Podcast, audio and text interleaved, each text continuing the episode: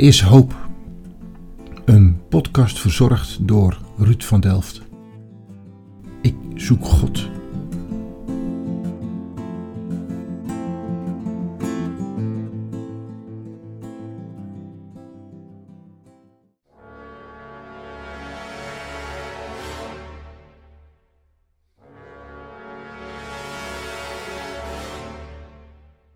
Officieus volkslied Finland. Meer dan 120 jaar oud. Misschien herken je deze imposante klanken. Misschien nog niet. Het is Finlandia. Een muziekstuk geschreven in 1899 door de Finse componist Jean Sibelius. In dat jaar werd Finland overheerst door buurland Rusland en het verzet onder de Finse bevolking tegen de Russische heerschappij groeide. En Sibelius was ook een voorstander van de Finse autonomie. En daarom componeerde hij zes muziekstukken waarin de rijke geschiedenis en identiteit van Finland moest weer klinken. En het meest bekende deel van de compositie uit 1899 heette eerst Finland Awakes. Finland wordt wakker. Een anonieme bewonderaar van dit stuk schreef Sibelius een brief en gaf het stuk de naam Finlandia. Sibelius nam het over. In 1900 werd Finlandia uitgevoerd in Parijs. En sindsdien werd het stuk alsmaar bekender. En kwam ook de Finse weerstand tegen de Russische Tsarenrijk onder de aandacht van andere Europese landen. Finlandia werd het symbool van het Finse nationalisme. Door de Russische revolutie in 1917 zag Finland zijn kans schoon om autonomie terug te krijgen. Dat lukte. En na de aanloop van de Tweede Wereldoorlog werd de Sovjet-Unie echter weer gretig om de invloedssfeer te vergroten, weer ten koste van het zelfbeschikkingsrecht van de Finnen.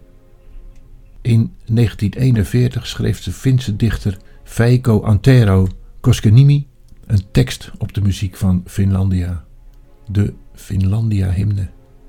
En dit gebeurde naar aanleiding van de winteroorlog tussen de Finnen en de Sovjet-Unie van 1939, waarbij aangetekend moet worden dat in het boek Engelen van Dr. Molenburg te lezen valt op 30 november 39 viel het machtige Rusland in het kleine Finland binnen.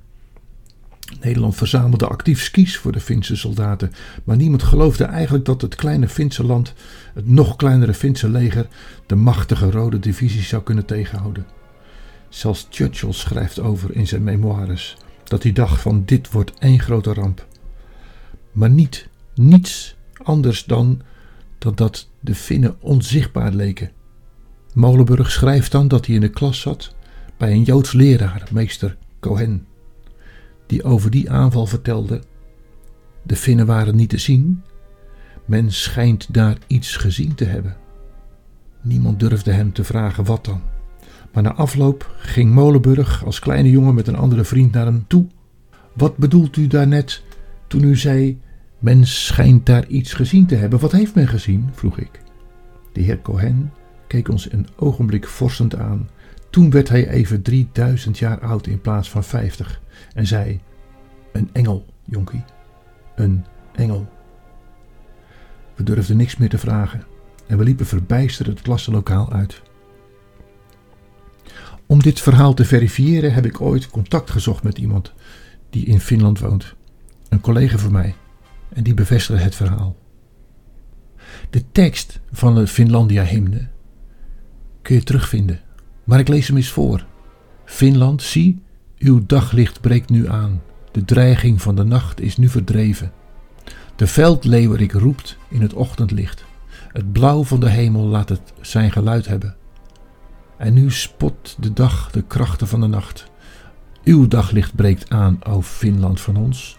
Finland, sta op en verhef naar het hoogste. Uw hoofd is nu bekroond met een machtige herinnering. Finland, sta op, want voor de wereld roept het u uit dat uw slavernij hebt afgeworpen onder het juk van de onderdrukking. Liegt u nooit.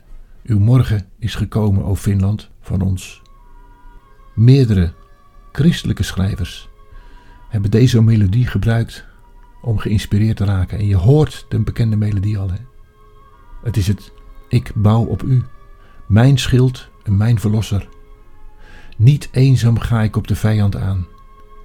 Sterk in uw kracht, gerust in uw bescherming. Ik bouw op u en ga in uw naam.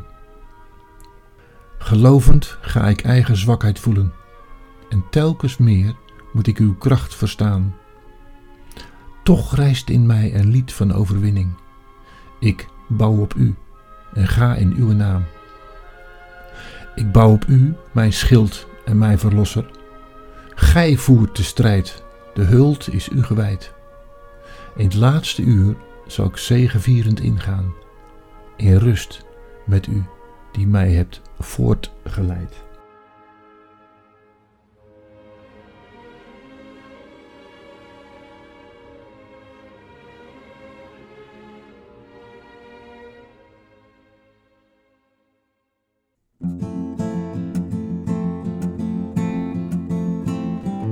God zoeken is een podcast die ik maak om met mensen in gesprek te komen over God.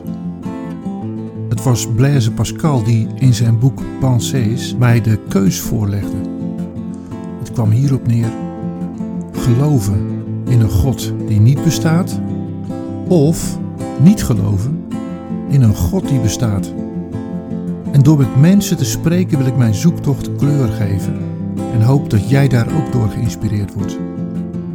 Vond je dit een mooie podcast? Laat het mij weten. Of geef een ranking. Misschien heb je een tip of weet je iemand die ik zou kunnen interviewen. Laat vooral een reactie achter. Of je kunt mij mailen. Ruud van Delft